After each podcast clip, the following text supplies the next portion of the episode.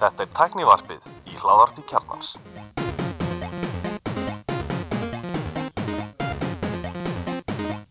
Komið sæl og blessuð og verið velkomin í tæknarpið. Ég heiti Atli Stefan.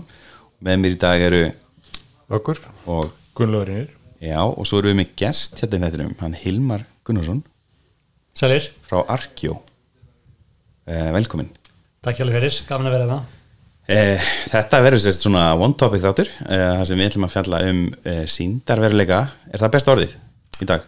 Já, ég myndi segja það en við erum þetta tölum mikið um svona blandanurleika líka, mixed reality það er eða kannski að heitast það í dag Já. Viðbættur veruleik er það ekki Nei, það var gagn aukin. Gagn aukin Við, við erum búin að tíma sko, hérna, uppröðunlega var tæknar við blogg sem heit simon.is og við heldum stefnumótin það eru nokkru viðskiptafræðingar í hófnum eh, hvað 2012 eða eitthvað svo leiðis og þá ákveði við við myndum alltaf tala íslensku eða skrifa íslensku í, hérna, á blogginu. Og það er svona eld okkur. Og ég flett upp hana þýðingunni fyrir augmented reality. Það er hérna gagnaukinn. Og svo var eitthvað annað fyrir Það ég, ég það er viðbættur veruleik ég mikið notað fyrir augmentur reality. Já það er samt addit, það er eitthvað annað. Þetta er náttúrulega svo flókið. Hilmar kannski þekkir þetta betur um það- Þetta er mjög leðilt út af að, að tala um íslensku þingar en hérna já, en kannski Hilmar, vilt þú kannski byrja að segja okkur aðeins frá þér og Arkjó Ég skal gera það, uh, Arkeo semst er hönnunartól sem við erum búin að vinna núna í nokkur ár. Um, Þetta er hönnunartól fyrir arkitektúr, fyrir síndarveruleika fólk getur unni saman í þessu við að búa til borgarskipulag uh, arkitektúr innan og sími, hvað sem er. Og sem að gera ólíkt öllum öðrum lausnum á markarum í dag er að þú getur semst verið að skapa inn í þessum veruleika uh, nýja hluti. Hugbúnar sem hefur kannski verið til á markarum hinga til snýst með að það takin þrývitamátel frá hennanantólum eins og Autodesk Revit, Rhino, SketchUp og svo leiðis koma með inn í síndaröðuleika og lega fólki bara labba í gegnum það eitt eða saman en við bara tókum strax á stefnu því við byrjum fyrir fimm árum síðan að búa til sköpunartól. Að við bara trúum því bara statustöðut að síndar veruleiki eða augmented reality eða viðbættur veruleiki hvað er hverjum þetta að, þetta er svona eh, besta umhverju til þess að skapa hluti í þrývit og það var einhvern veginn eh, það bara augljóst þegar pæli í því að búa til þrývitar hlut gera það á flutum skjá það er bara því að við höfum alltaf gert það svo leiðis og framtíðin verður bara alls ekki þannig. Það verður bara allt öðruvísi hvernig verður hannað í framtíðin heldur en gert núna. Já, mjög stýnt Þessi skjótt inn í, ég syns, þú vaktir aðtíkla okkar og kannski fleiri á Íslandi um daginn þegar Facebook var að kynna Oculus Pro tækið, þá voru þið eitt af lausnunum sem voru síndar það ekki? Jú, við kynningunni. bara að vinna með metrunum alveg í hvað ár uh, að ímsu verkefnum uh, byrja á því að við erum mjög náðum með þeim til þess að koma Arkio yfir á Quest App Store-ið sem ekkert öllum er hleyft inn í. Uh, það fyrir Quest 1 og 2 headset sem eru búin að vera núna smá tíma markanum og við klárum það verkefni núna í lok mars á þess ári. Síðan byrjuðum við bara í raun og veru í mæ að vinna mjög náðum með meta að við undirbúa Arkio fyrir Quest Pro tækið og það er þetta fyrsta pró Þetta er fyrsta prótækið uh, og þeir eru að reyna svona kannski að stíða okkur skref í nákvæmna framtíð þar sem að uh, þú getur verið að gera miklu meira með þessum síndarveruleika glerum heldur en hefur verið gert hinga til svona kannski meira að spila leiki eða fitness eitthvað svoleiðis. Uh, í þeirra huga og í mínum huga þá er þetta tæki bara eða næsta kynslu af tölvum getur við sagt. Þar sem að ferð að eiga samskipti og, og nota tölvur allt enn hátt þar sem að hlutirnir eru meira svona í rýminni kringu en ekki bara skjá fyrir fram að þig og við sem byrjum að vinna með núna í, í uh, síðasta vor og vorum bara eitt af mjög fáan fyrirtækjum sem að fengu þessi gleru í hendurnar og, og byrjum að aðlaga arkið á þeim. Búin að gera það uh, núna í þessi sístu mánuði. Og það er bara frábært að sjá að þeir eru semst uh, sína arkjörinur í uh, auglýsingaherferni fyrir uh, tækið. Já, voru bara svona kynningarvídeó þegar þetta fór í loftið. Já, og það vantilega verið mikil það vantilega vakið mikla aðtíkla á ykkur gerir ofir, ég minna það voru miljónur mannum allir heim sem sáu þessa, þetta vídeo. Algjörlega. Og þetta var mjög stór viðbyrði menn þetta var, þetta var stór fréttir að Facebook eða Meta kynnti hérna Oculus Pro sem hafa nú verið lekið út eða svona voru orðrómar um þetta lengi og, og, og, og lengi verið að býð, við lengi beðið eftir eh, hann að Þetta var þetta næst stærsta kynningin á þessum viðbyrði því að voru ekki fæturnir stærri kynning fætun ég Já, fæturnir sem að voru feikaðir eða Já, var það þannig. Það var sérst hérna, var þetta joke sem sagt? Já, það kom í ljós eftir að þetta hefði nú verið allt riggað fyrirfram og eitthvað svoleiðis. Já, en sérst í síndaveruleika heiminum þá eru oftast ekki neina stýringar á fótum. Þannig að þú ert í rauninu fótalus en þú ert með náttúrulega hérna, eh, handstýringar. Hvað kallar það? Já, þú bara, þú sér hendurna einar, þú ert þetta með, þú heldur á tækjum og, og þessi, þessi hérna, glerur endur að finna líka að skinja hendur á þess að maður haldi á svona stjórntækjum. Mm -hmm. Myndavelunar framan á tækjunum, þau geta bókstæðlega séð hendurnar og fingurnar og svoleiðis. En þetta er ólís vandamál hvernig trakkaru fæturnar. Og það sem menn eru byrjað að gera er, þeir eru bara fyrir uh, konum ákveðna svona machine learning dæmi í gang til að bara að meta, þú veist, ok, fætunir eru örugglega svona og þá síni ég að þannig og semst, meta er að vinna því að koma með þá laust en þetta er aldrei merkilegt eins og þess nýra okkur til dæmis að ég er ekki þessum að það bæti upplifun hjá okkur einmitt að sína fætur og afaturum og það sem ég gerist þú að vinnur í hönnantólins og arki og þú ert stöðut á reyfingu, þú ert að færa þau upp og niður og breytum skala fram og tilbaka. Og ég er ekkert þessum að sé eitthvað gott að sjá einhvern risa fyrir ofan sem eitthvað þessu stóra fætur sem maður bara getur stíða á því sko. Já. Þetta er náttúrulega ákveður tími svona fyrir ykkur að koma inn, inn í þetta en það er ekki, ekki glæni í þessum markaði en ég meina Meta sem er eitt stærsta og volduasti fyrirtæki heiminum í dag ég meina eftir þetta þessum stóri teknirísum er að setja rosalega upp að þeir í þróun á síndaveruleika og viðbætum veruleika. Og er ekki hvað 10-11 miljardar dólar sem þeir ætlaði að setja? Jú. Við vorum eitthvað rökkar aðan hvort þú verið búnir að setja Já, mér, ég var eitthvað að lusta hérna á The Verge hérna, The Vergecast sem er hérna kollegi, kollegar okkar í New York, eða í bandaríkunum þau voru að segja að það verðist vera að það sé búið að eða mjög mik mikið af svolítið, held ég. Og, og svo var verið að láta hana 11.000 mann fara. Með þetta er að, eigða miljóðum dólar í þetta á hverju ári. Þetta er ekki bara eitthvað sem eigða yfir 10 ár, þessi 10 miljardar sko, þau eru að setja þetta svakalega pening á hverju ári. Og, og ég verð að segja það uh, með meta, það er þetta búið svona að, að þetta alltaf á þeim í fjölumönum frá því að byrjuð að kynna hérna, meta við strategíuna sína. Og fólk er að segja í hvað fer allir þessi peningur, hvað er alltaf fólk að gera svo framvegis og mér finnst að, að það sé búið að, hérna, að leggja fullt hart af þeim. Ég, mér finnst það ekki fá náttúrulega kredit fyrir það sem þeir að gera. Og þetta er ótrúlega djart spil hjá, hjá Mark Zuckerberg að fara stað í þessa vegferð og það sem fólk var átt að sjá sem er að vinnað víjar, uh, mér finnst ekki allir kannski alveg svona átt að sjá stöðunni að ef að meta verið ekki að setja allir þessa miljardar dollara og þetta fólk í þetta verkefni þá væri víjargerðin ekkert í dag það sem hann er. Að ástæðin fyrir því að fjölmargir eru bara í ágættismálum, ágættis business að búa til VR-húbuna í dag er út af Quest 1 og Quest 2 græðunum mobile græðum sem er bara mjög öll að nota, þú getur sett á þau hvað sem er. Það er svona ein, einfalt bara svona að koma sér af stað. Og svona aðgengilega græður, ég á Quest 2 og þetta er, þú veist, það er engin þú veist, hann er engin snúra og þetta er líka bara eitthvað, þú veist, þú veist, til dæra þægileg viðmóti, það er eitthvað að leggja á þetta og, og, og aflið er nokkuð mikið, þá komur alveg óvart hvað eru öflugu leikir í, í Quest 2 búðinni, sko. Hvernig er raflan endast?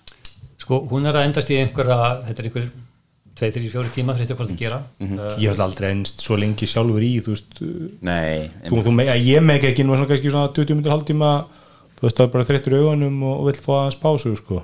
Það lítur á svolítið hindrun fyrir arkitekta að, að þið sjáðu líklega fyrir ykkur að, að arkitektar eða hönnur séu að fara að vera hana í einhverja klukkutíma að vinna á dag. Já, sko, þetta er þannig að því meira sem notar þetta því lengur getur við verið inni uh, ég get verið alveg inn í VR í, þú veist, eitt og tíma ef ég vil, sko, ég er ekki til að segja ég geri það. Uh, það sem aftur á móti mun gerast er að þessi tæki munum verða þetta bara léttar og þægilegri. Þetta er ekki síst sko bara þingdin á haustnum sem gera verkum að þessi óþægild að vera og lengin í þessu. Og til dæmis á Quest 2 það sem er mjög persónulega óþægild er að þú ert með svona þetta skókassaform þar sem að tæki er eða bara límt á andlita þér. Þú veist er fast á andlitinu þér. Það kvílir tæki eins og Quest Pro er allt öðru í sig. Það er, semst, er miklu meira svona balanserað þú ert með batteri aftan sem balanserað þá viktin á tækinu. Já, þingda dreifingin er miklu betri. Bara, þetta er bara eins og nóttu dagur sko. og það kvíli líka á ennin á þér. Og það er fyrir utan líka í Quest Pro þá semst, er það ekki semst, svona fast við andlitið og þú sér til hliðar þannig að þetta er bara svona í heildina miklu þægilegri upplifun. Mm Ég prófaði þetta á hann, mér finnst það mun þægilega það sem ég prófaði áður. Já, þú ert með Quest Pro hérna sem liður okkur að prófa og maður skoði mitt lausnin eitthvað. Og ég samanlega, mér finnst það þingdar dreifingin á, á Quest Pro miklu betri. Já. og líka það þægilegur með glerugu undir, það er bölur þessin á, á Quest 2 Já, það er bara líkuð ómögulegt á hverstu þú veist það er svona einhvern veginn að hérna því þú tekur tækja að þér þá fara glerur með jafnvel sko. Já. Þannig að það er strax og það er alveg rétt að auðvitað munu þessi tæki tæki þróast betur. Þannig að alltaf orðramörum hefur verið lengi og hann er alltaf að aukast að Apple alltaf stíga nátt á svið. Hafa náttúrulega verið lengi í viðbættum veruleika og bæði þessum er þá virkar í iPadum og símum og svo leiðis og, og, og það hefur svona verið talið forverin að því að þeir komið sér degi headset og mennur var- núna var að þetta verði líklegast á fyrri parta næsta árs. Þannig að, ætla aðeins að kvætt inn. Þetta er sem sagt 9,4 miljardar bandarækjadólara bara núna á þessu ári sem eru farnir í þetta. Einmitt. og það eru 285 miljónir í tekjur sundum eh, sem er helmingun, helmingun, helmingun niður eh, eða sagt 50% niður um mill ára. Og það er vegna að hvers tvö var við stórið eitthvað svolítið gamalt að vantar það er hækku líka verði á því það var Já. alveg dreifur eftir spil þannig að já, tekjunar og, og það sem við erum sagt er kannski ekki alveg svona samstíga Nei, nei, ég meina markaður nú svona, heðalögur, ég meina markaður er ekki, ekki tekið vel í þetta og þeir hafi verið að fá smá högg á markað út af þessu og, og, og Sökkerberg hefur svolítið verið að verja þess afstöðu, þetta er, langklaup hjá þeim og þetta er, þeir eru að veðja þetta er svona áhugaverð sko, og tala fyrir þáttir sko, hvaða bylgja af VR er við núna, það er ekki svo langt síðan að, að, að trú mann á VR var mjög mikið, við sáum mikið íslenskum tölvuleikjafæramöndum fóru mjög djúpir í VR, ég menna hérna Eve uh, voru með SCP CCP voru með eitthvað að 2-3 leiki í þróun þá út úr því spurutun önnu fyrirtæki sem voru mjög djúpi í þessu og það var mikið af fjármagn í þessum bransa og það svolítið fjarað út. Já, og svo náttúrulega er þetta vist búið að vera þannig að, að hérna, uh, meta hefur bara verið að kaupa allt sem var þú veist, einhvers virði er svona, Og það var líka kannski er en það var líka svolítið undan headsetunum sko. þá voru mitt headsetin, þú veist, þú þurfa með rándýra leikja tölvu og rándýr headset við þá tölvu. Og, og þannig að stoppkostnaður ég með þá valla undir hálfu miljón, þú veist, bara að fara inn í hennar bransa sko. Og, og í dag er, ég meina, hvað kostur Oculus uh, Quest 2, 90 skall, 80 skall ég sko. Já, ok, þannig að- þannig að er minni þannig að mögulega voru þessi fyrirtæki íslensku fyrirtæki og náttúrulega fleiri erlendur ekki sem markaði kannski aðeins undan. Já, þetta er alltaf spurning sko, hversu snemma viltu vera í ferlinu? Og þegar maður setur svona fyrirtæki eins og ég geri, það er alltaf einn eiginlega spurning uh, hver er til tíðanpunkturinn til að byrja að þróa eitthvað og koma eitthvað á markað? Þú vilt ekki vera snemma og ekki að segja Mhm, og, og ég veit ég sjálfs ekkit ennþá hvort að, að við séum hitt á réttan tíma en, en þetta snýr alltaf þannig að mér núna að tækin er orðin þetta tölvöld öfluri eins og með Quest Pro og þetta er þetta sko bara tvent ólíkt þegar maður líkir þessu saman við bara gamla Oculus Rift eða bara DK1 og 2 græðina sem hafa komið hérna fyrir einhverjum, hvað eru, 60 ár síðan. Og, og ég myndi líkuði segja að, að þau umtalum þess að bylgjur af VR að að fyrst að devkjöti kom frá Oculus ég myndi alveg að segja að það er alltaf nýr bylgja per se heldur en sko þegar Oculus Quest 1 kjóna markað og þetta er bara allt annað konsept að vera með mobile VR græðu og það er líka, mér finnst þetta allt svo magna sko, alltaf maður prófar þessa græðu og ég man prófa þetta fyrst minni myndgæðin hafa, breyst og þróast mikið og allt það. En það er alveg magna veist, þessi upplifun þú er búin að vera kannski lengi búin að vera í hálftíma þrjúkortir í, í VR og er eftir ykkur um heimi. Og svo þú tekur af þeiklinu þá fyr- þú virkilega fattar þú þú varst allt annars staðar. Mm -hmm. veist, hvað, hvað þú varst í öðrum veruleika. Mér finnst alltaf magna og þú veist, ef þú nærða að auka þetta þú veist, þú nærða, nærða að bæta þetta ég meina Playstation er komið með er það ekki að koma næsta ári? Februar næsta ári. Februar næsta ári fyrir þessi Playstation 5 það er mjög öflut headset en enda snúru headset en náttúrulega rosalega vélbúin hann á bakvið. Þú þannig að- aflið er, er, er fyrir ekki, já, ég er nema, sitt hérna með headsetið og prófa þetta hérna, okkur prófin. eins og hlustundu sjá Þetta er, já, nú get ég sittið hérna bara að tala við ykkur og sé ykkur hérna í gegnum headsetið. er ég við það eitthvað svona gemverður, ertu búin að breyta út veit ykkur í róbota eins og Já. hana segleikvar Já, ég með brá bara svo þegar ég tók eftir hérna að trakka hendunir á mér, sko. Hún Er, ég, þær eru svona teknimynda hendur hérna. og ég, já, ég get bara ítt hérna og tekur að trakka með puttunum í loftið hérna. Já, já, þú ert inn í arki og þannig er það ekki að fyrta í UN okkar? Jú, ég, jú, ég var svona að reyna það. Hérna, maður getur ekki hreift sér mikið hérna á Í- borðið. Ég hef verið lengi svona hérna anti-vírmaður, ég bara skildi ekki, ég er sérst, hérna, mikil töluleikamaður og, hérna, og, og ég spila mjög hraða leiki, ég, veist, ég er FPS spilari svo kallar, Ok, first person shooter og hérna þar þarftu, sérst, það, er, það er kannski svona sá heimur af töluleikin sem er kröfuharðastur hvað var það sko skjágæði og hérna hvað með margar ramma á sekundu og allt þetta. Já. og þannig að það hefur svona eiginlega bara martur fyrir mig að fara í skotleiki í VR þess að mér, mér líður, þess að þú, þú, þegar verið fljó, fljótt mjög óklætt að spila Quake 3 í svona tæki. Og þannig að ég hef alltaf verið hérna, mjög í móti. Núna eirun á mér eru mjög, mjög spert þegar að það er byrjað að tala um eitthvað sem tengist vinnu. Algjörlega. Og hérna eins og þetta ykkar fórut og hérna og þarna er rauninni þessi kynning fannst mér leggja mjög mikla áherslu á í rauninni hvernig getur VR komið inn í, inn á vinnustæðin og mér sýnist þannig að hvað var það ekki, HP í bandarækjunum voru komin í eitthvað svona samstagsverkefni Þeir eru búin að vera með VR headset og, fjölmjölgjaræðir, Lenovo var að koma með nýtt headset um daginn. Þa, það er allir á flegi ferð og er allir að býja eftir því eins og að minnst áðan hvað Apple gerir og menn eru bara að segja að þetta er að gerast núna í Q1-um sko. Mm -hmm. Allavega næsta ári, menn eru enda búin að segja heldur nú þrjú ár, þetta gerast á næsta ári. Já, við náttúrulega spáum alltaf fyrir um þetta. Við erum mikil, mikil Apple menn hérna. Já, ok, og hvað, hvað haldið þið? Eða, sérst, við hefum oft bara að þetta sé fara að gerast á næstunni en það gerist aldrei neitt. Það er náttúrulega flestar þessar græjur sem eru búin að vera hvað vinsalastar, það eru búin að vera 2-3 ára á markaðnum. Þannig að það er svona komin tími á það og næsta kynslu þetta inn sko. Apple er sko mjög frækt fyrir að koma alltaf sent inn á alla markaði, þú veist, þeir býða og ég ætlum að sé enga trú á orðurumnum að þetta headset sem Apple mun ekki næstu verið eitthvað high-end headset. Það er bara rosalega ólíkt Apple í öllu sem þeir gera. Apple hefur engan áhuga að fara í neitt bransa nema í fyrstu atrunum síður svona 20 miljardar dólar ári tekjur.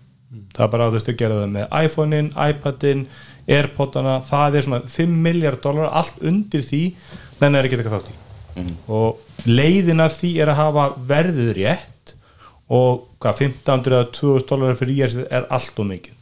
Bara ef þú allar að þau segja, það sem Oculus er að gera er miklu líkar það sem Apple myndi gera út frá það sem er gert í fortíðin ég, það getur vel verið þegar það tekja ykkur uppegi og gera ykkur allt annað núna en, en ég meina, ég maður þegar iPadin kom það var rosa orður um að þetta væri rosalega high-end tæki og er rosalega dýrt. Já. það voru að skjóta með 1500 dólarar 999 dólarar og, og þá var svo augljóst að þetta var bara Apple-vélinn að búa til sérst, orðróma og væntingar.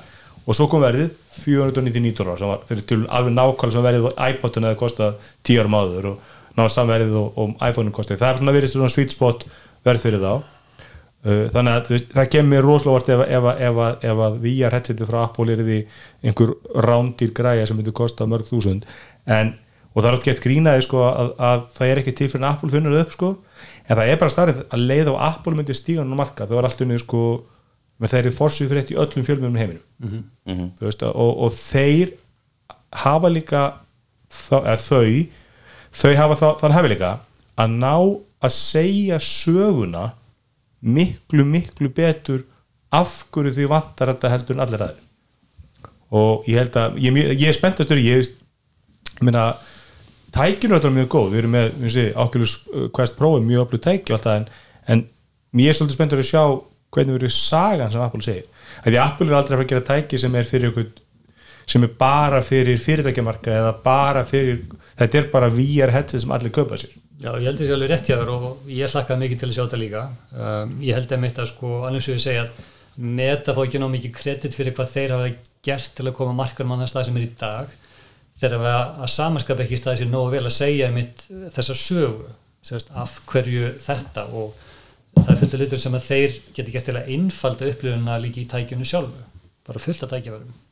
Uh, það verður mjög gaman að sjá hvað Apple gerir hvenær svo sem það verður út af því að þeir þurfa að velja millir þess að fara á stað með einhver vöru sem er svona mass market bara eins og kannski Quest 2 4, 5, 600 dólar eitthvað svo leiðis og vera svona með bara þokkalöfum gæðum og svona þokkalöfum svona pass-through til að búa til svona augmented reality upplifun eða það sem menn er að spá sem að þú ert að segja menn ekki er að gerast er þeir munum bara fara senast, uh, alveg bara svona í eitthvað svona ekstrím dæmi til að sína sko hvernig þetta á að vera.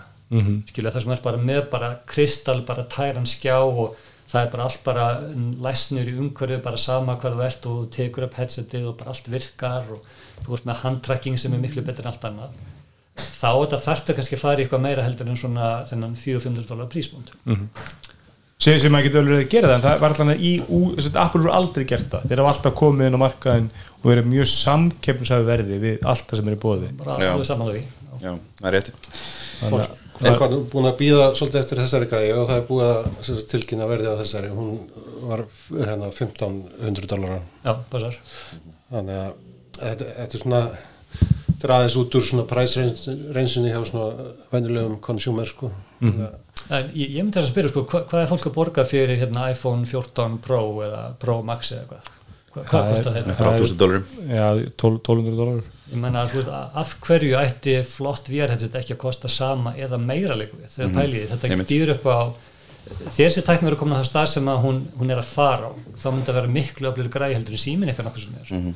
Sko þetta getur í pleysa ekki bara símin, þetta getur í pleysa bara sjónvarpin heima hjá okkur og bara fullt annað sko. Mm -hmm ég bara held að það sé algjörlega justify það, þetta sé bara mjög bara prímjum vara sko. Mm -hmm. En ef fyrir kannski suma þessu út bara hvernig kemur þú inn í þetta bransa þú, hvað er þið fimm ára fyrirtækisæru Já Hvað er þið með ekki starfsmenn í það? Uh, við erum tíu manns, dreiftu um allan heim.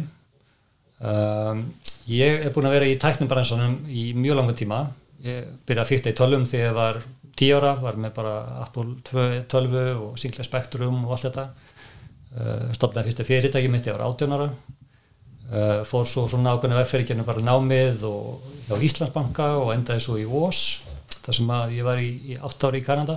Já, ok. Uh, var sem þetta stýra sölu og markasmánu þar og, og hérna svona og produkt líka á tímanbili og, og sérst fer þá hérna með Vós í hérna söluferðli við seljum til Nokia og hérna flytt heim.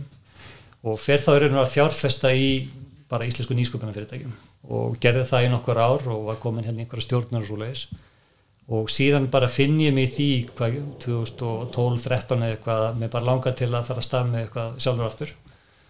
Þannig að ég tek mig til og kona mín skilta nú ekki alveg ég bara tók mig til inn í stofu og fór bara að lærða á Unity og hérna fór bara að hakka saman og búið til prototýpur og, og endaði hérna stofna fyrirtæki sem að ég kallaði Modio. Og það var hérna ákveðin pælingum að uh, lefa krökkum að hérna, hanna leikvöng og þrývitabrentaði mm. og við vorum meðal fyrsta appi sem leiðir að gera eitthvað svona á þennan veg fyrir þrývitabrentar út af því að fram að þessu þá höfðu uh, fólk mest verið að nota brentari til að brenta einhverja einfalda hlut, einhverja stittur eitthvað svo leiðis hérna, þar voru brentarinn er ekki öflur eins og þeir í dag.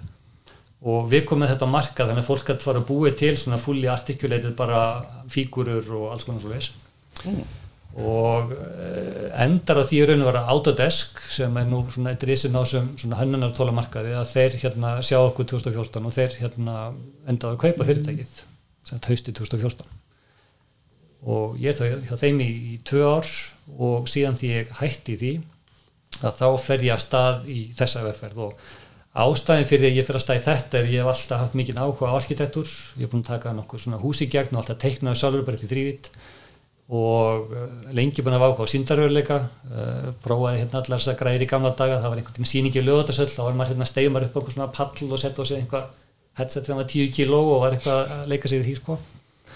Þannig að lengi búin að fylgjast með þessu og ég sá bara tækifæri til þess í raun og voru að raungera nákvæði tól sem að ég vissi að það er bara miklu svona náttúrulega þægilega til að skapa arkitektur, til að skapa byggingar. Mm -hmm og lagðast það með því upphafi að búa til laust sem myndi ekki virka bara fyrir síndarveruleika heldur sá ég þetta fyrir mér þetta væri svona, ég vil meira augmented reality tól.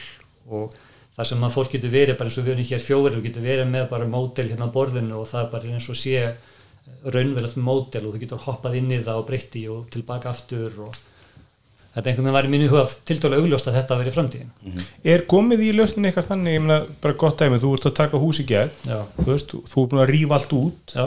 og þú ert með innanúsarkitektum sem er búin að hanna allt fyrir þig mm -hmm. er komin eitthvað svona layering laust, þannig að þú getur bara sett lag yfir húsið, mm -hmm. þannig að þú lappar um hús og sérð hvernig það mun lít út með breytingun Já, þú getur gert það. Það er Já. sko með Quest Pro græðinni að þá getur þau verið í einhverju svona runnulegu rými og þú getur læst í runnulegu þennan leir frá okkur, vörtjóleirin, uh, ofan á runnulegan og það er eitt af því sem við unnum mjög náum með núna með meta síðustu sex mánuði, við vorum að implementara ákveðum tól frá þeim sem heita Spatial Anchors, ég veit ekki hvað íslenska tól hérna orðið við nota fyrir það. allir, allir týra fyrir okkur.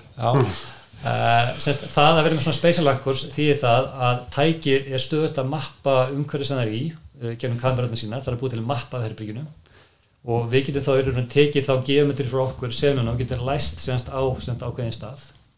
Og þú getur þá lappað um þetta fysiska rými og séð þetta overlay. Uh, takmörkun eins og núna er það að þú þarft að nota ákveð svona guardian kerfi í Quest til þess að segja þú veist, hvar, hvar þú getur farið. Og þú veist, út fyrir það þá hættir appið að virka.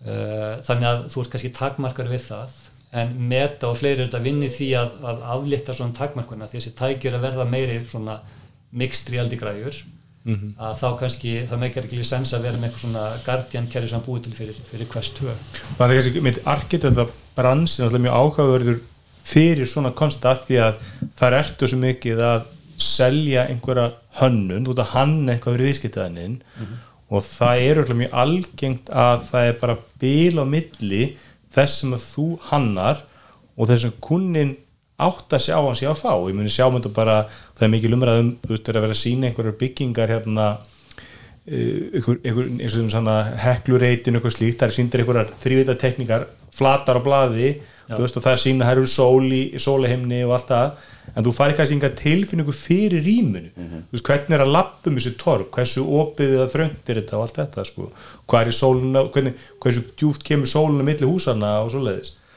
Og, og þannig að þetta, ég geti trú að þessi bransi að, þú veist, þetta hendar örgulega, þetta örgulega, sem kannski ástæðan úr fórstunni hennar bransi líka, er að þetta hendar kannski betur heldur en Excel-bransin fyrirtæki, þú veist, endurskónda fyrirtæki hefði minna við þetta að gera heldur en heldur en arkitubransin, sko, þannig að þetta er, Já, þetta er mjög visual bransi. Algjörlega saman að því og ég held sko að, að þetta sé bilding sem sé að skella sem kannski fólk bara áttur sig ekki einmitt alveg á. Uh, svona use case finnst mér að vera tiltölulega augljós og það er ekkert langt einmitt í það að fólk fara að kynna einmitt nýtt bæjarskipulega, borgarskipulega einmitt með því bara fólk setja á sér sér gleru og skilja raunulega kannski fyrsta skipti hvað á að fara að gerast.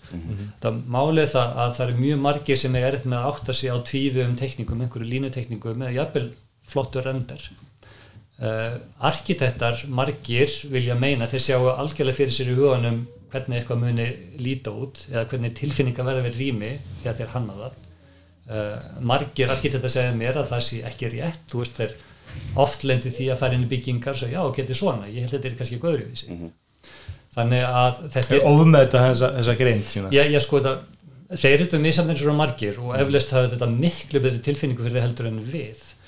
En, en þetta er bókstarlega og ég tekið þetta dæma áður sko eins og ég myndi bara sína einhver mynd af einhverju kennileiti eða bara FL-dörnum eða hörpunum tónlistarús og þegar einhvern veginn setja einhver inn í sko ég þátt að verður þetta verður svona komað inn versus það að fara bara standin í andirinn og horfa kringu sig. En það er líka, þannig held ég líka sko að myndgæðin, þú veist, ég er þetta að lappa um hús í þrývit sem er, þú veist, teiknað í svona frekar lári upplöst og lélum, ekki lélum gæðum, sérst, litlum gæðum versus rætt húsi og það, það er reytreysað við erum að tala um sko háskerpu mynd og, og, og þetta er nánist þess að lappa um raunveruleikan að þá færðu færðu miklu meiri svona tilfinningu fyrir rýmunu þú veist, allir þessi litlu atrið, atrið bara, þú veist, að sjá einhvað sem er svona fotorealistik það myndi hjálpa rosalega þarna, ég sem meina svo segja, sko, auka 10 miljardar dólar áfram metta munu færa okkur þangað, þú veist. Já, við verðum alltaf að leiða ef að Sökkaberg heldur stjórnuna fyrirtækinu. En þetta er einmitt hérna, talandi um þetta hérna, eitt sem að mér hefði stótt vera samt vanmetið við einmitt síndarveruleikan er að til þess að fá tilfinningu fyrir rými, hvort það sé of stórt eða of lítið, hvort að eldur sé hansi of háæla áskiluru að það þarf ekkit endilega að vera með allt alveg fullkomlega raunverulegt. Uh, svona í, í grunninn til. En svo þetta er spurninga mitt þú kemur líka lengra út fann að pælja mitt ok, áferðum á, á veggjum og húsgögnum og svoleiðis. Þá þetta viltu fá til en realisma. Mhm. Uh, en sko meðist, ég hef tekið þetta debat við suma sem að vera hann einmitt bara vírleiki eða bara töluleiki almennt að, að þessi áherslega mynd á þennan svakalega realisma, uh, maður veldi verið sér sko hversu langt það er að fara með það til að þú skapir eitthvað, eitthvað valjú og eitt af því til dæmis sem að uh, met er ekki núna til að vinna markvist að því að búa til alveg svona hýper unnverulega avatara, þegar kannski sé þessi vídeo sem maður er að vera að sína það sem bókstæðilega að, að avatarin voru þannig að þú, þú bara við sérði ekki að þetta sé ekki alveg manneskja. Og, og ég veit ekkit alveg, kannski er þetta bara eitthvað sem maður verður augljóð setna með sko, þegar maður fyrir einhverja fundi með fólki, þú veist, vil ég vera þannig eða vil ég vera með einhverja meira svona kartúni avatara eða vil ég stundu vera með einhverja hýperilisma og stundum ekki. Að þetta er þetta bara eitthvað sem að já, verður komið ljós. Svo er líka svona, lítil atrið sem maður tekur eftir sem maður veit ekki alveg að þú veist, þetta er svona uncanny valley tilfinning sko, að þú veist, maður að spila ný, nýja leiki, ég er að spila núna hann á Call of Duty, nýja leikin á PlayStation 5 og, og þetta er rosalega góð grafík og raunverulega leikur. En svo finnst maður einmitt svona tali og hreyfingarna, það er eitthvað svona lítir sem maður getur ekki greint á. Mm. þá vil eftir, eftir að þá eru karættar að tala spænsku. Ég tala ekki spænsku, þannig að ég og mér fannst það miklu raunverulega. Mér fannst, mér fannst miklu meira syng á talinu veist, ég, þar var ég ekki að ná þessum mm, smáatriðum sko. þetta er þessi atrið sem þú getur sem svo, gerir erfitt fyrir þess að sem er að búa þetta til þetta er svo, þú getur ekki sagt hvað er að þú getur bara sagt ég sé einhver svona mikro einhverju mikrohreyfingar hér og það sem eru í skrýtna sko. mm. þannig að þetta er ekki eitt veldig skjótinu með, með, með, með þannig að Apple headset þá, þannig að eitt svona forskot Apple, við horfum bara þau tækir bara hér er Oculus Quest 2 eh, við ætlum að setja okkar á það sílikonu frá Apple er í alltaf um klassa. Þið getur sett örgjörfa Aja. sem kostar þá örgulega svipað eins og, eins og ég ger á þessi kvalkom örgjörfi í, í, í Oculus Quest 2 sem er margfald öflur, örgulega öflur heldur það sem er í Quest Pro. Og ódýrri og ódýrri, bara það að geta sett inn sko örgjörfa skjákort sem er í alltaf um klassa. Með öllu hinu hardurinn eins mm -hmm. gefur Apple rosalega mikið forskot Já, ég held að það er rétt þetta, hjá þeim þetta eins og öðrum er þetta ákveð balans á milli þetta hvaða afl þessi þetta í gjörvan versus batterið og þyngd og alls og leiðis og það er bara mjög gaman að sjá hvernig er spil úr þessu en þeir hafa klárlega stórt fórskot þar Já, og hafa, hafa, hafa ég menna þetta, menn segja það þetta sé svona eitt af, eitt af hann, hann, Tim Cook þetta er svona hans barn mm -hmm. og þetta er alveg fyrsta varan hjá Apple sem að hann kemur að alveg frá grunni mm -hmm. Veist, úr eða svona fyrsta varan sem hann kynnti en það var svona einhver, einhver, einhver umræður áður sko.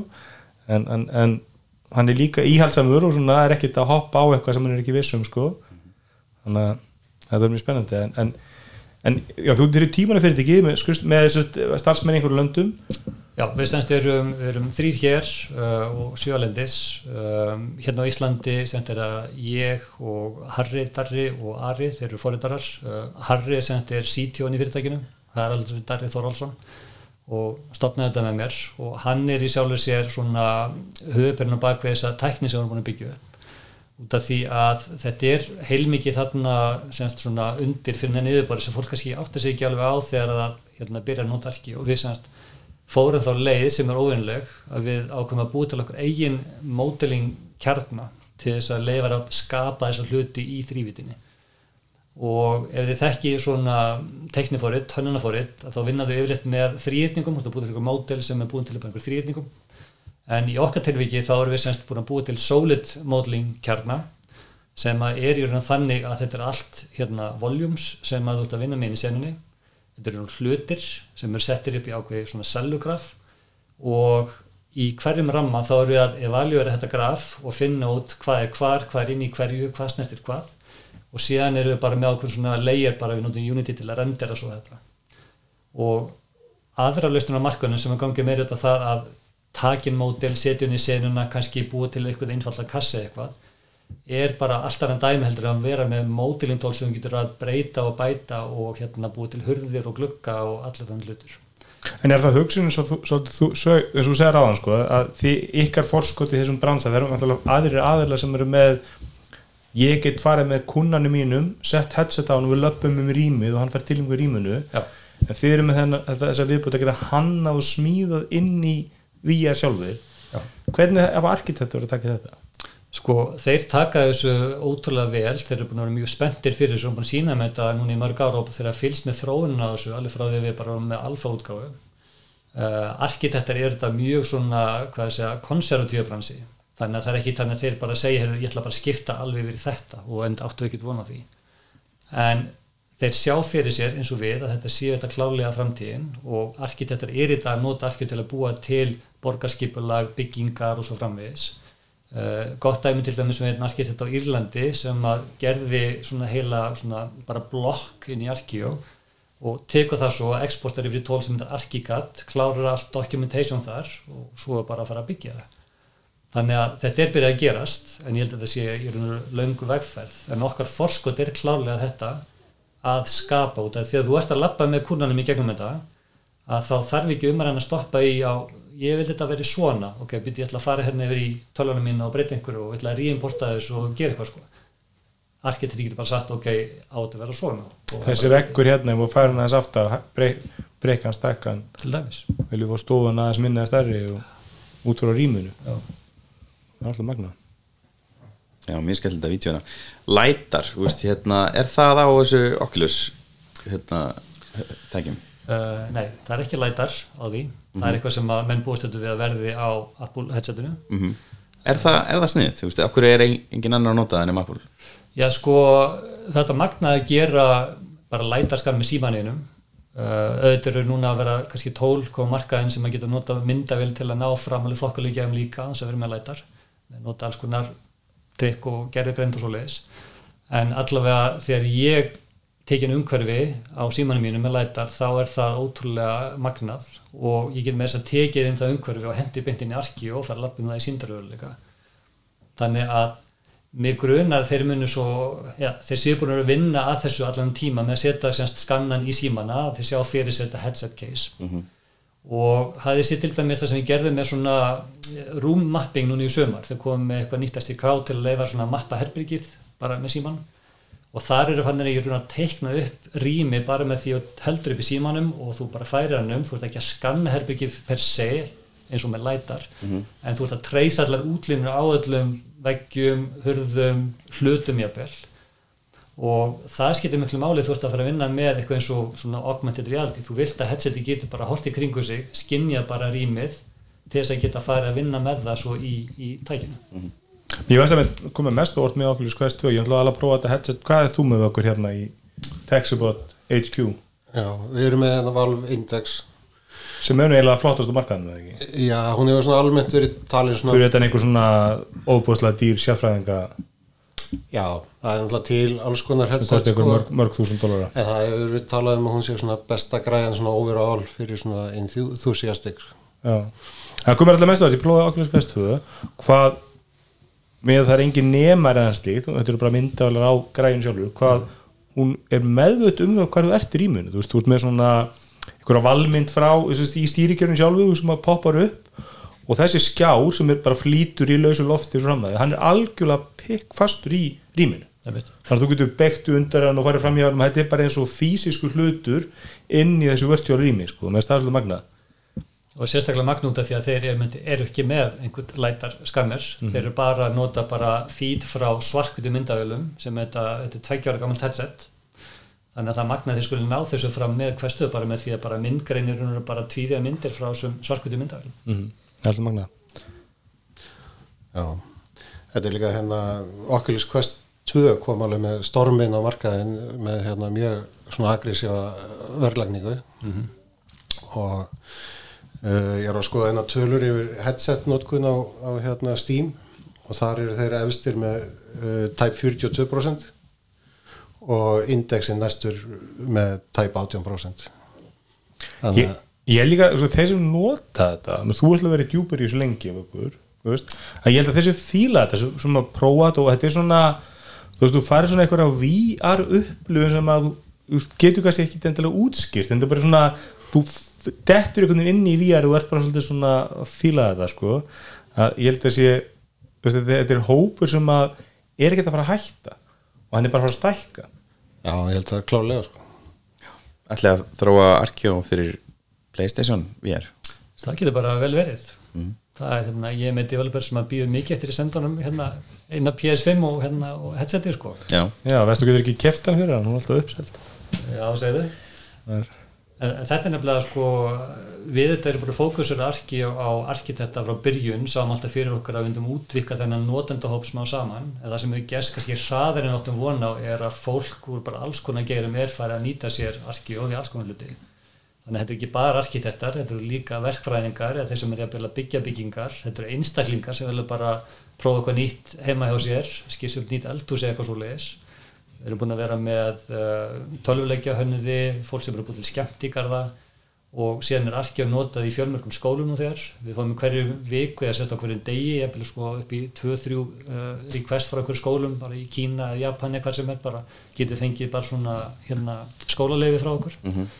Þannig að það er fjöldin allir af fólki sem er læri arkitektur sem er nota arkjaf í dag. ah. Ef hafið þið skoðað ef þið verið að tekna búin að vera með þá þú veist, hefðbundun hugbúna sem notar sömu, sömu en ég get unnið í VR-inu svo get ég farið í tölvuna og unnið þar á móti. Já, sem Arkeo er til fyrir uh, tölfur og síma og spjaldtölfur. Já, þannig að ég get unnið í, í spjaltölunni og portölunni og svo í VR líka. Þú getur það, þú getur semst verið með uh, til dæmis farin á fund þar sem að hluti af fólkinu sem er fundinum er í VR, einhverju eru bara í síma eða spjaldtölu og þú getur fylgst með öllu sem að fer fram, þú getur meira að segja á spjaldtölunni, þú getur meira að segja skissa hluti og bætt við geometri og gert ímislegt. Þannig að við sáum þetta uh, sem líkilæti til að draga flera fólk inn í arki út af því að þetta er ekki allir með headset eins og er, myndi að langan tíma þá myndi allir bara með þetta skrifbórnum síðan. kannski þess vegna er þið líka inn í Unity það fer vel á milli ekki Jú, sko Unity notum við sem sem eða svona cross-platform layer og rendering layers. uh, við erum í raun og veru, eins og við sáum búin að búið til okkar einn svona geometri kjarna, við notum ekkert physics í Unity eða collision eða neitt, þetta er allt bara hérna búið til okkur. um, en klárlega til að koma appin og sem flest tæki þá er þetta ómeitanlegt. sniðið hvað er hérna, hvernig er businessin, hvernig er landslæði, eru margir samkjömsalar hvernig er businessplanið ykkar á næstunni Sko, það eru fleiri fyrirtæki sem er búið til hönnunatól fyrir VR uh, enginn af þeim er fókusur á arkitektur þannig að við erum ákveðinu sérstöðu. Hvað er það að fókusa þá? Á? Það er til dæmis uh, svona eitt flottasta tóli finnst mér í dag að vera Gravity Sketch þeir eru að meira á vöru hönnun, uh, bíla, báta reyðhjóli hjálma, eitthvað svo leiðis en það þeirra hérna í geometríkjarni gengur meira út að búa til Surface, uh, NURBS bara eins og Rhino-nótar þannig að þetta er svona Surface módelir og menn við erum Solid módelir þessi svona greina áreistra og annað slíkt. Þannig að þeir eru svona að gera mjög flotta hluti. Um, síðan er, þegar kemur arkitektúr þá er einhverjar nokkur lausnum á markanum sem leifar að taka inn þrývöldarmódel og ganga í gegnum þau og jafnvel sko flagga svona einhver issue, þú veist, hey, við þurfum að breyta þessu eða gera þetta. En ekki þessum tólum er hanna til sku, sem sköpunartól fyrir arkitektúr já, já, og kannski er það bara því að við erum eitthvað brjálæðir að við sjáum eitthvað case sem að önnur fyrirtæki hef ekki séð sko. En, en við bara ég sé fyrir mér að það að taka inn þrývitamódel inn í VR og horfa það að lepi gegnum það er bara eitthvað svona basic hlutur sem að verður bara commodity.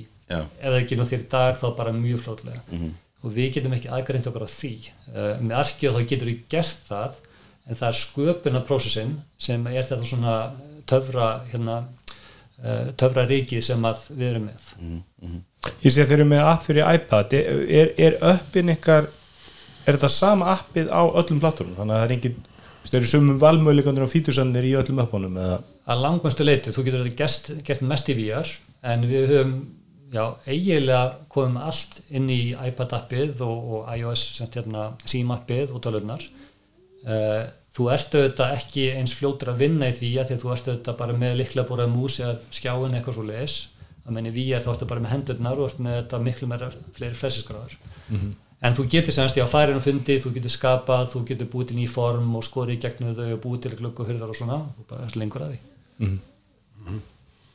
Var ekki til eitthvað íslenskt uh, AR leikja fyrir þetta ekki sem var einhvern tímann á Apple kynningu Jú, það er fyrirtæki sem er svona, var svona í blönduna held í íslenskt og kynverst hvað, ég maður ekki alveg hvað ég heita.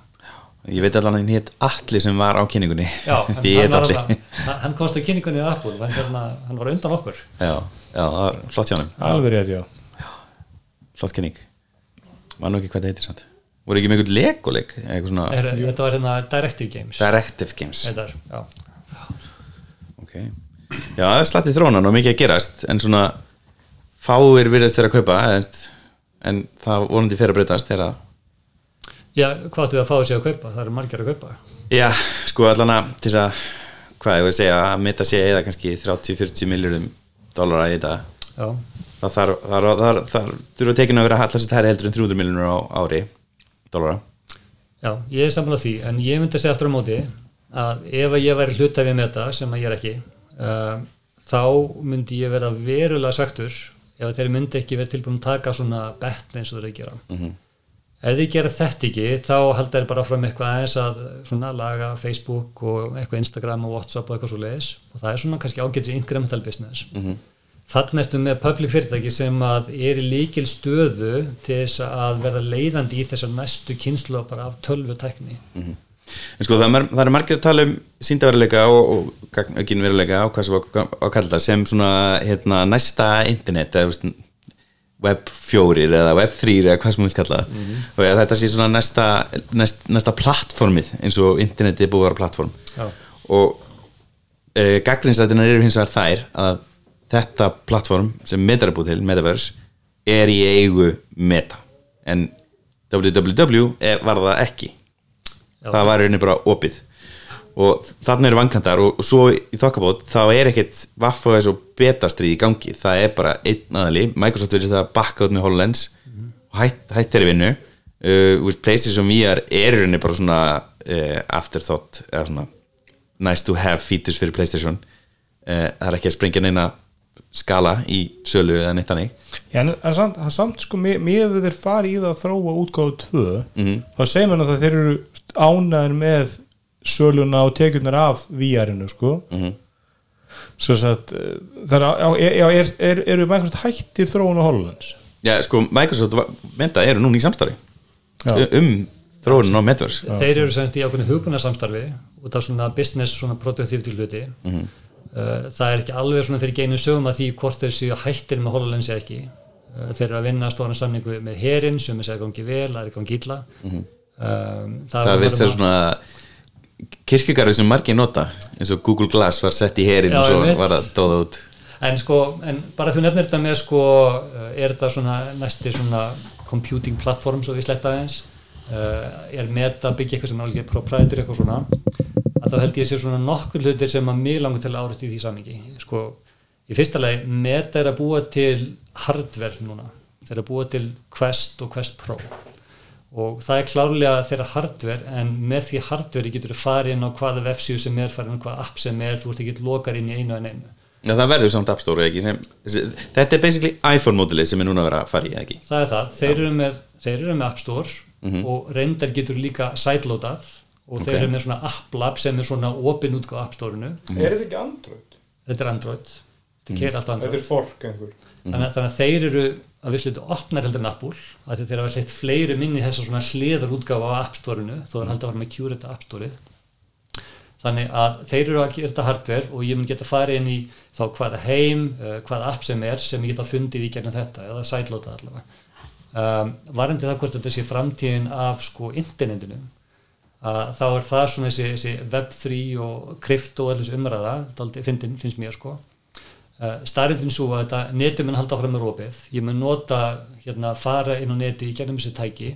Ég mun þetta fara inn á samt sem er alls konar mismöndi plattforma, alveg svo í dag fyrir inn á mismöndi leiki, fyrir inn á Fortnite eða fyrir nokkara vefsíður eitthvað svo leiðis Fortnite er ekki tengt einhverjum öðrum leikjum eins og er, þú veist, ég er bara í Fortnite og ég er það, svo bara fyrir ég út.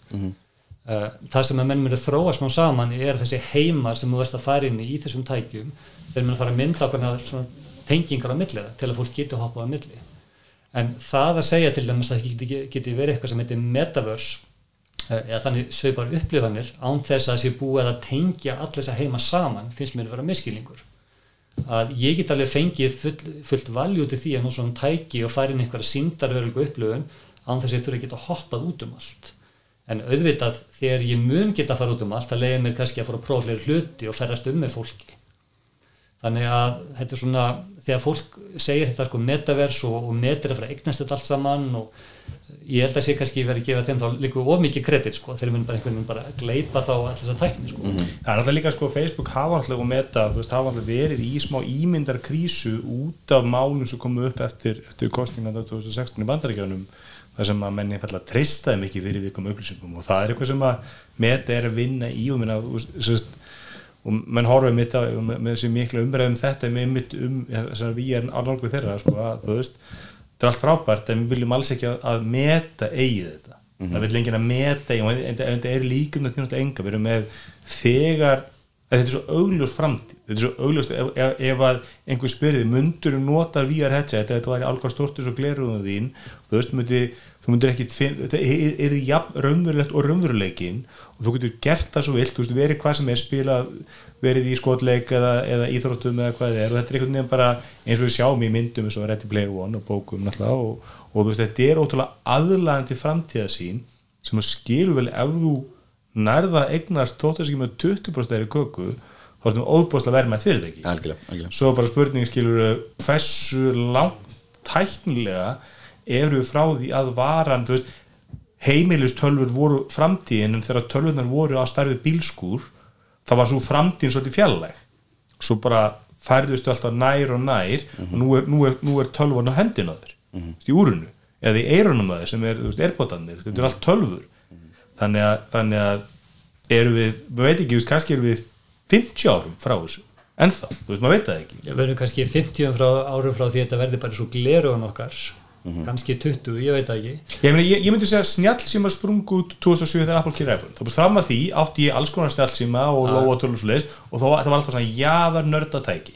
Svo bara einu nóttu vildu allir snjall það vissu það allir, það vissu allir sem voru að greina á markaðanum að þetta var framtíðin. Það þurftu bara rétta aðelan rétta tímanum að stíga inn og koma með eitthvað sem að vantaði fullt af fítusum fullt af fítusum sem vantaði í iPhone-in. En það sem hann gerði vel gerði hann það vel að öllum langa í það. Og við þurfum bara VR headsetið sem að gerir það sem að, það sem að venjulegt fólk en að gæsa að segja bara ég verð að fá þetta, ég verð að prófa þetta. En kannski er bara meta ekki góður aðli til þess. Að við sáum að meta var að reyna að fóta sig fyrir í hana velbúnaði með portal.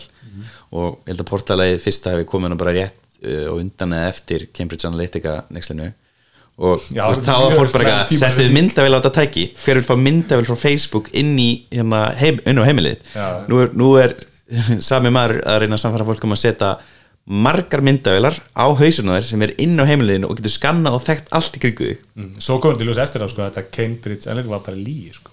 það, þeir voru ekkert að gera Já, það voru bara að feka þetta. Þeir voru bara þetta. Þeir, þeir, þeir hafði engin áhrif í neitt í líkingu sem þeir þóttust hafa á þannig að sko lekin frá Facebook eða, þessi gögg sem þeir áttu að hafa fengið voru verð minni heldur en þóttust að þóttust að væri sko. en, en þið náttúrulega eru ekkit metafyrirtæki. Þið, þið eru bara vinnið með öllum VR headsetum sem að koma og, og Já, já, við erum að öllum þessum tækjum og símum og iPadum og svo Málið er bara það að meta er með bestu græna markanum í dag bara, það er bara óvífengalegt en það er aðalega eins og til dæmis þetta Pico sem að núna er eigu TikTok.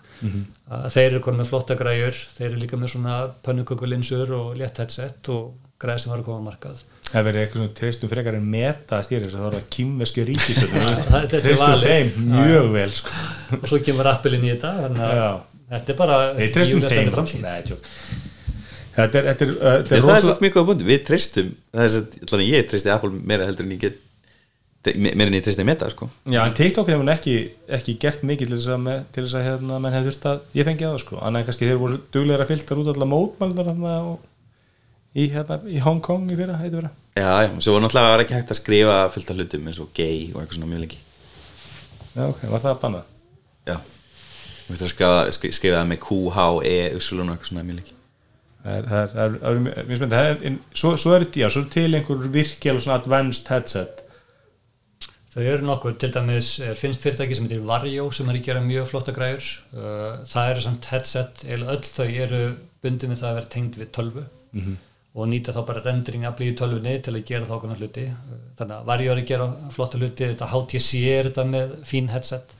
Þannig að þetta er tölvu flóra hann úti en eins og segir það vantar svona ennþá þetta þetta er svona iPhone moment þar sem allir bara sjá þetta og skilja og bara langar bara strax að fá þetta í hendurna sko. En það sem ég myndi samt segja er að þó svo að það moment sé ekki ennþá komið og kannski kemur það ekki fyrir eftir einhver ár að þá er þessi tæki mjög nýtsanlega mjög margt í dag. Og það er það sem ekki við mér ákveð komfort verið með þennar rekstur að þessi tæki munum bara halda frá að vera betur og betri en meir sér þessum forfaktor. Þetta er 700 gram þetta tæki, þetta er ekki létt að þá er þetta mjög nýtsalegt mm Já, fyrir, fyrir, fyrir vöru eins og ykkar að þá er, ertu komið með tæki sem er tiltölu ódýrt. Þú veist, fyrir þennan bransa eru hvað það eru 1500 dólar ekkit enga rosa upphæðir og svo kemur Oculus Quest 3 kannski næsta ári eða þannast ári og þá er það ennþá ódýrir græja. Þannig að maður sér alveg fyrir sér að, að hérna uh, einhver, einhver al- alveg arkitektur sem, er, sem er, er ekki kannski að láta þetta stoppa sig, getur dreiftur út af viðskiptæðinni, þú fyrir kynningu ert að kynna hörpuna 2, þú veist að þá setur Oculus Quest á alla og, og, og þú getur, það er ekki rétt að mér það getur margi verið í sama heiminum á sama tíma, það ekki? Jú, það getur margir verið saman og aftur geta sumir verið í síndaruleika það eru bara á tölvunum sínum.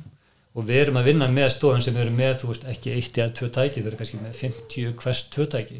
Þú veist, þetta er, þessi, þessi bylgja er alveg byrjuð. Spennandi En ok, um, eitthvað að lokum, Hilmar?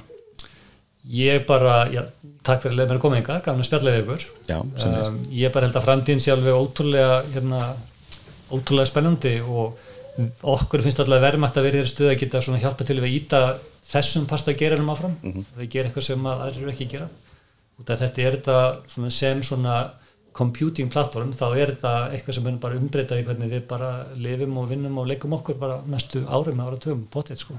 Hljóma virkilega spennandi. Já, Takk hjálfur að koma Takk fyrir mig